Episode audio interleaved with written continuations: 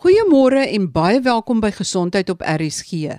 Ek sit vandag die gesprek voort met Dr Peer Wewe, sportgeneeskundige verbonde aan Universiteit van Stellenbosch en ons gesels verder oor kragklappe en die moontlikheid van breinbeserings as gevolg van hierdie klappe.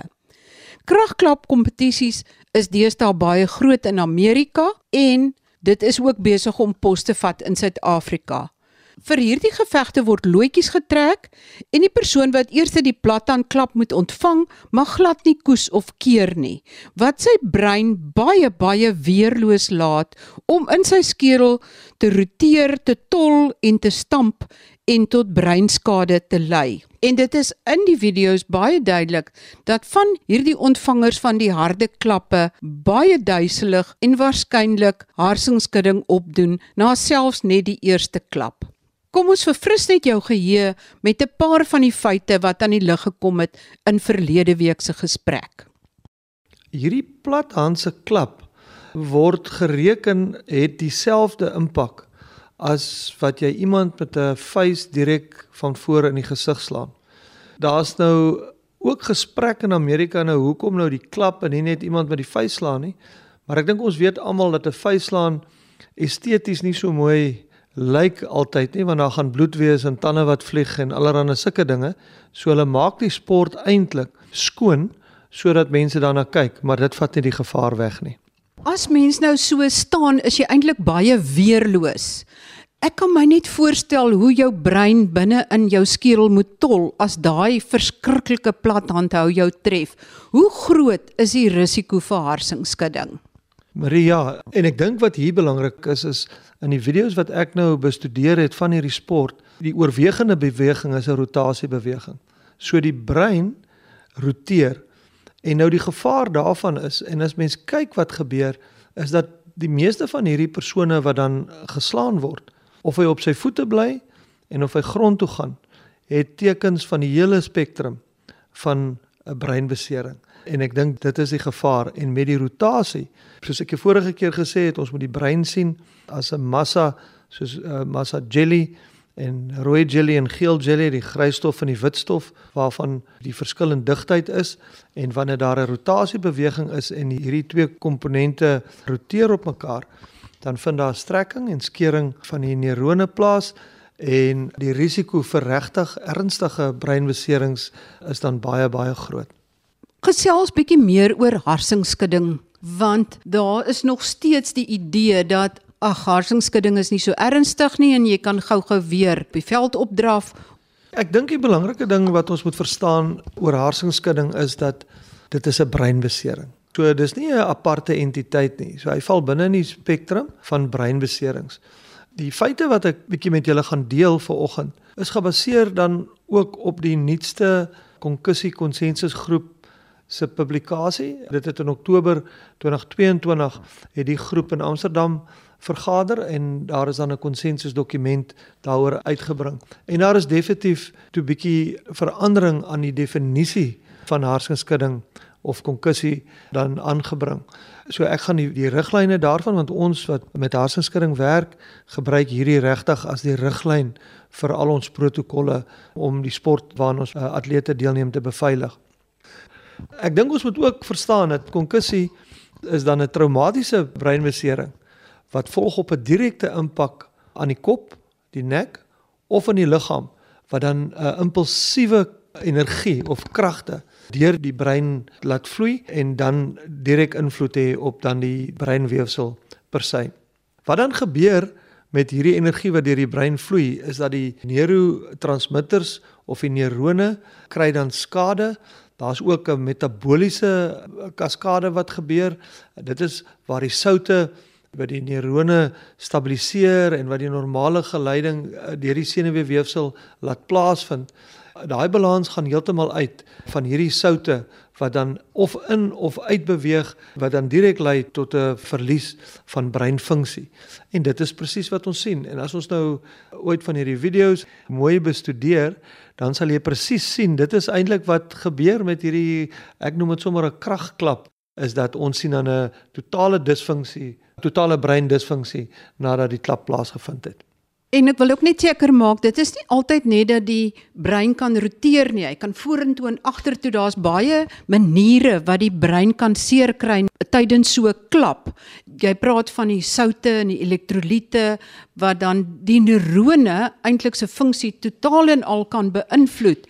Wat van bloedvloei en selfs 'n tipe inflammatoriese reaksie wat kan plaasvind. Dit is nie net enkele klein dingetjie wat verkeerd loop nie. Lyk my dit is 'n hele klomp dinge wat na een klap verkeerd kan loop.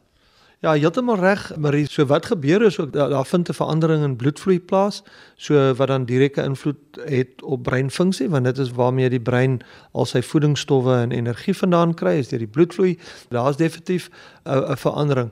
Dan ook weet met hierdie metabooliese en elektrolytiese verandering verander die breekbaarheid van die neurone ook.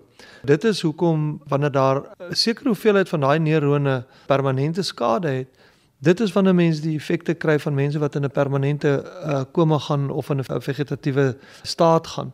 Dis alles 'n mondvol, maar soos ek reeds gesê het, as jy in die gedagte kan hou die prentjie van die brein wat massa jelly is en wat kan beweeg, dan sê jy ook vind dat wanneer hierdie bewegings plaasvind, veral die vorentoe en kantbewegings wat jy oor gepraat het, want die brein kan nêrens heen gaan nie. So hy stamp teen die benige kas rondom hom en hy kan dan op plekke ook dan akute bloedings gee sodat dan 'n interne bloeding uh, binne in die brein ook plaasvind. Nou dan is dit glad nie meer konkusse nie, dan praat ons van die strukturele breinbeserings en hierdie het dramatiese gevolge.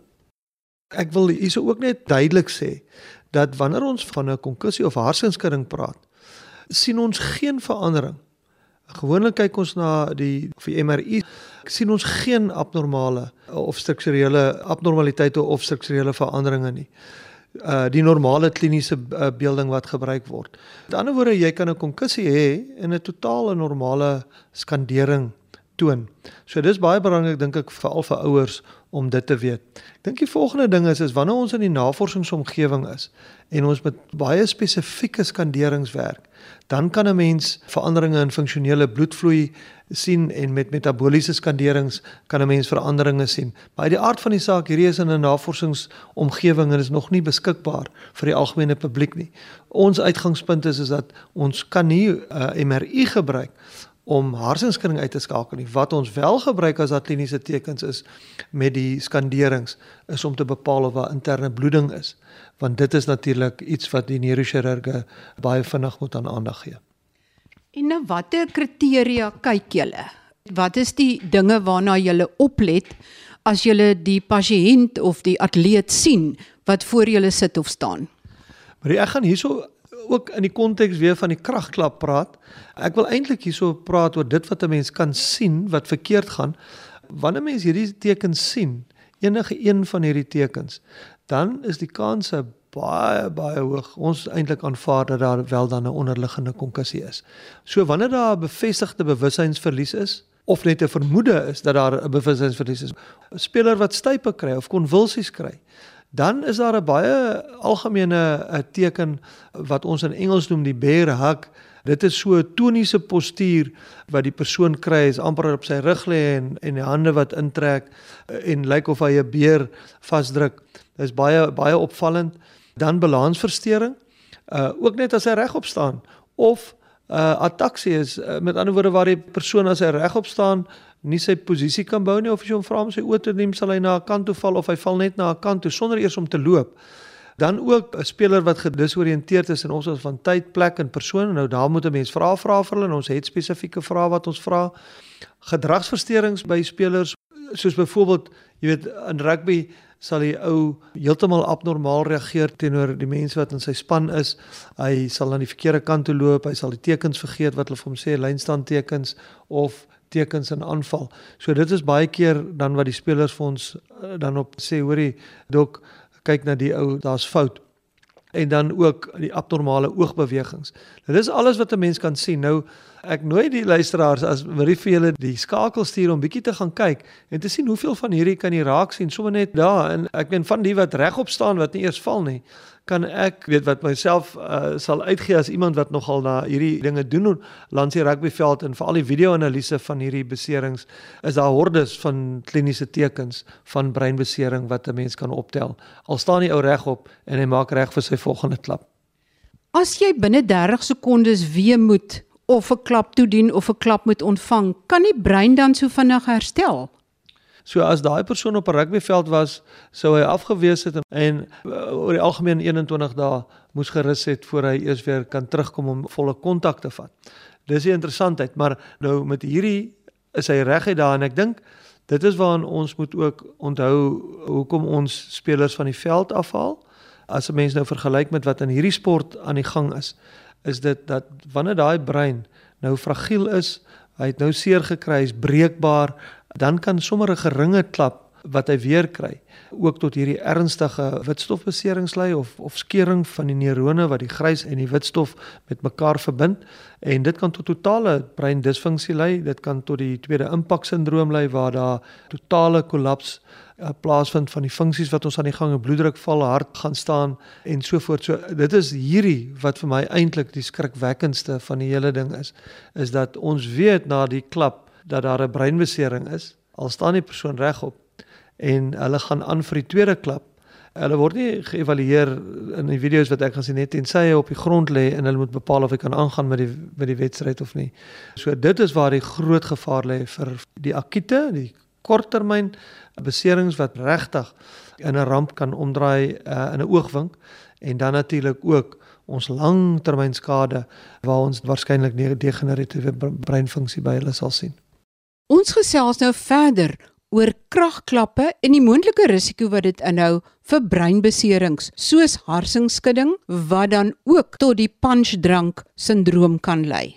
Maar kom ons hoor wat Bobby, the Punisher Krish, vir Johan Rademan vertel het oor klapgevegte of slap fighting wat hy baie graag in Suid-Afrika wil bevorder.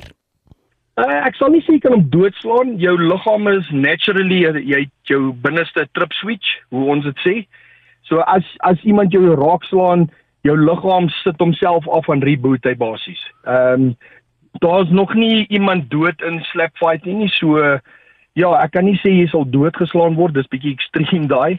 But ja, de uh, weet jy, jy kan jy kan daar's 'n paar ouens ons ons het al 100 en iets. Hoe kan ek sê I've I've put a hundred fights on a stage yeah. so far, and out of a hundred, two guys' jaws been broken, but that's about the worst that's happened to to uh, to our opponents. So op elke elke toernooi is ons paramedics on standby reg daar. Ehm um, ons naaste hospitale word vertel dat ons 'n slap nie in die area. Ehm um, daar's 'n ambulans op site uh, met vier paramedics, so twee sal oorbly as iemand hospitaal toe vir 'n concussion of iets gaan. Soos op die dag, jy moet 'n gum guard dra, jy moet 'n oorpleisie in jou oor dra en jy moet jou medical slag. As jy hoë bloeddruk het, ek sal nie aanraai um, om hierdie sport te doen nie. Ehm um, dit is bietjie gevaarlik vir 'n mens wat hoë bloeddruk het.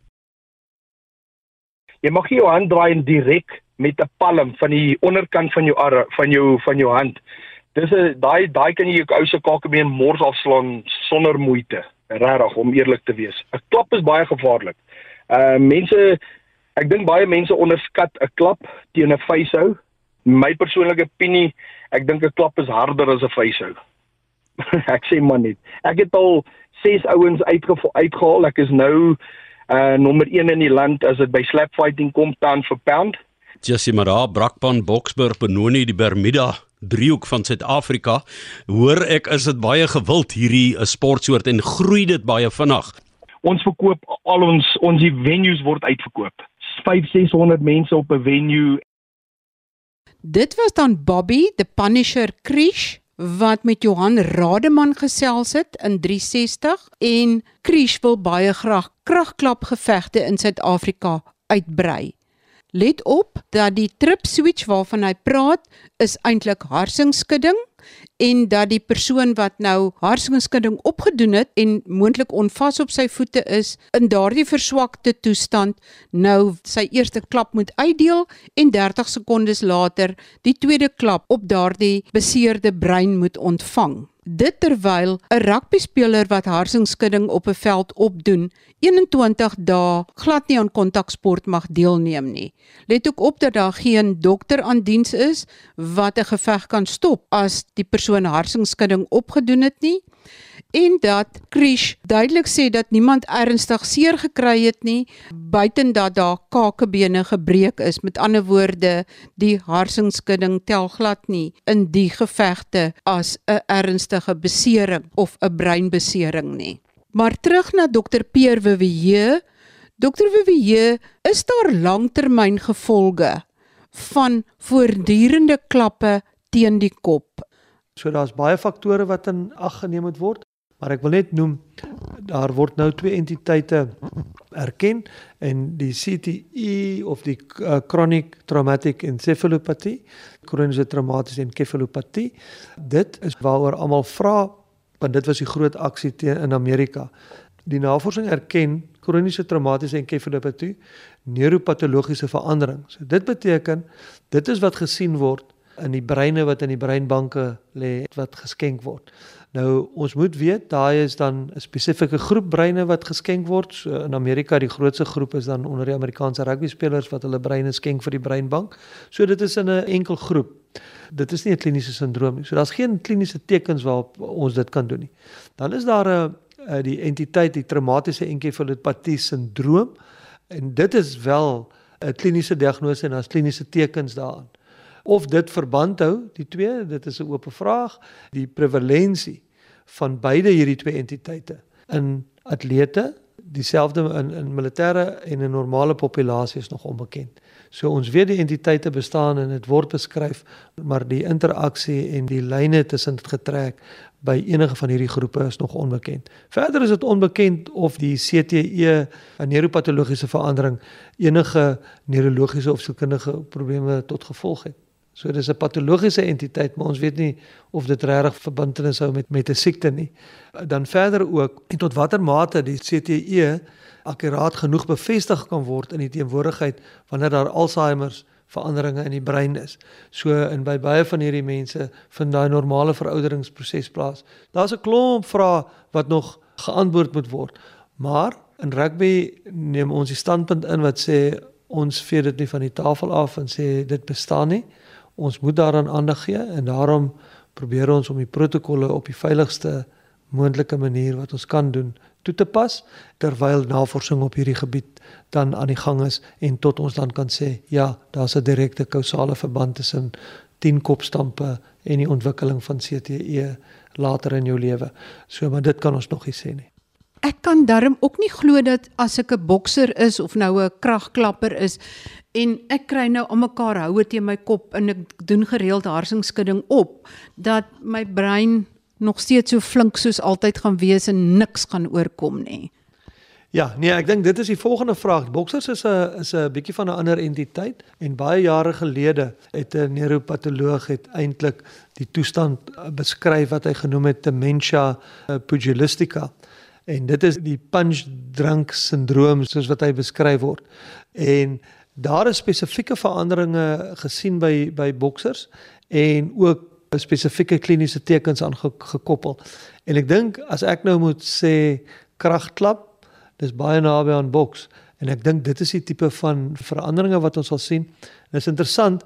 Ek het van die video's wat ek deurgegaan het en geluister het in in my voorbereiding en 'n bietjie navorsing want jy het my nou regtig geprikkel om nou te kyk wat bestaan oral oor en ek het daar opgetel dat in die onderhoude en van die gesprekke wat hulle met van die kragklappers in Amerika wat dit nou al oor 'n tyd doen, is daar definitief alreeds 'n spraak, stadige spraak en uh jy kan die gesigsuitdrukking sien en so en wat daar lyk asof daar al reeds, jy weet, kroniese veranderinge uh, intree. So uh, ek sal my nie uitgee daarop dat dit wel so is nie, maar ek dink dit is wat mense in die toekoms sal sien. Dis nou nog te vroeg om te sê. En is harsingskudding gevaarliker in jonger spelers of maak ouderdom geen verskil nie? Wanneer die breinbesering uh dit is dieselfde wat gebeur in die brein of dit 'n jong brein of 'n ou brein is, maar ek dink ons moet onthou dat ons jong breine ontwikkel. Daar is definitief 'n funksionele verskil van 5 tot 12 jaar en dan hier in die adolessente tyd en dan natuurlik in die ouer tyd. Terwyl die brein ontwikkel, is die brein natuurlik meer vatbaar vir komplikasies en vir ernstige beserings. En dan moet ons ook onthou wanneer ons by hierdie atlete uh, of by hierdie spelers hierdie toestande nie korrek diagnoseer in die begin nie en verkeerd behandel en oor 'n langer tyd word hulle blootgestel dat hulle hulle definitief 'n hoër groter risiko sal hê om komplikasies te ontwikkel. Ons is baie meer konservatief by kinders juis om hierdie langtermyn moontlikheid van langtermyn kwesbaarheid of uh, komplikasies te verminder. Dit is baie interessant dat van die studies is uh, waar hulle sê wat by kinders of eintlik die uitgangspunt is ook by kinders moet ons baie meer voorkomend wees. Ons moet probeer om hulle nie bloot te stel nie of om die impak te verminder so laag as wat ons kan. Ijshokkie het, het in die laaste konsensus studie baie goeie navorsing gewys waar reëlveranderinge uh soos byvoorbeeld kontakpraktyke, die beperking van kontak, uh, liggaamskontak veral waar dit in ijshokkie uh, belangrik is by die jonger kinders te beperk het dit definitief uh, gelei tot 'n verlaging in die voorkoms van konkussie of hartsinskudding en dan het hulle ook baie goeie studie met uh, met betrekking tot beskerming wanneer spesifiek gemodelleerde mondskerms gebruik word. Dit is baie belovende navorsing en dan het ook uh, by rugby was daar goeie studies waarin opwarmingsmetodes waarin ons eintlik die motoriese uh, stelsel en sensoriese stelsel en jou propriosepsie opwarm vir wat gebeur het ook tot 'n verlaging gelei want jy kan jou tegniese vaardigheid is dan net soveel beter en dat dit uh, dan sekondêr gelei het tot ook verlaging. Ons weet ook nou dat daar studies is wat uit is en ons is by 'n groot studie daarbey betrokke ook is die tackle hoogte waar die tackle plaasvind ook dan 'n uh, verlaging van die voorkoms van konkussie bring. Dis alles dinge wat wat gebruik kan word veral by kinders om te voorkom dat hierdie gebeur. Ek wil dan net weer terugkom na die ehm um, kragklappe toe en dit is dat die persoon dan binne 30 sekondes of uh, 'n minuut weer moet sit vir die tweede klap of hy nou gestuier het na die eerste een of nie en mens kan baie keer duidelik sien dat die een onvas is op sy voete. Wat beteken dit as daai tweede harsingskudding binne minute plaasvind? Daar's natuurlik die akute of die risiko wat nou kan gebeur of verkeerd kan gaan, soos die tweede impak sindroom wat 'n absolute katastrofe is. En dit lei tot dood en as 'n mens gelukkig is dat jy dit dood oorleef is dat jy dan in 'n vegetatiewe staat dan eindig. Dit is die akute deel, maar ek dink verder moet ons ook onthou dat hoe meer hierdie op een lopende sla ook die drempelwaarde vir besering verminder. So met 'n vorige klap later dan gaan die brein begin al vinniger en vinniger en vinniger beseer raak. So die drempelwaarde verminder en die impak hoef ook nie so groot te wees nie. Dit sien ons ook by vele rugby spelers wat herhaalde konkussie het. So ek dink wanneer ons die aanvaarde uitgangspunt oor opeenlopende harsingskuddings en die moontlikheid van langtermyn komplikasies uh soos byvoorbeeld die punch drunk sindroom, Alzheimer en en daardie wat onder boksers voorkom, dan dink ek dit is regtig, dit is 'n pad vir 'n katastrofe. Baie dankie aan my gas vandag, Dr. Peer Wewe, sportgeneeskundige verbonde aan die Universiteit van Stellenbosch. En besoek gerus RSG se webblad rsg.co.za en gaan kyk na die video's wat ons daar geplaas het sodat jy self kan besluit of hierdie kragklapgevegte gesond is vir jou brein. Tot volgende week wanneer ons weer gesondheidsake gesels. Baie groete van my, Marie Hudson.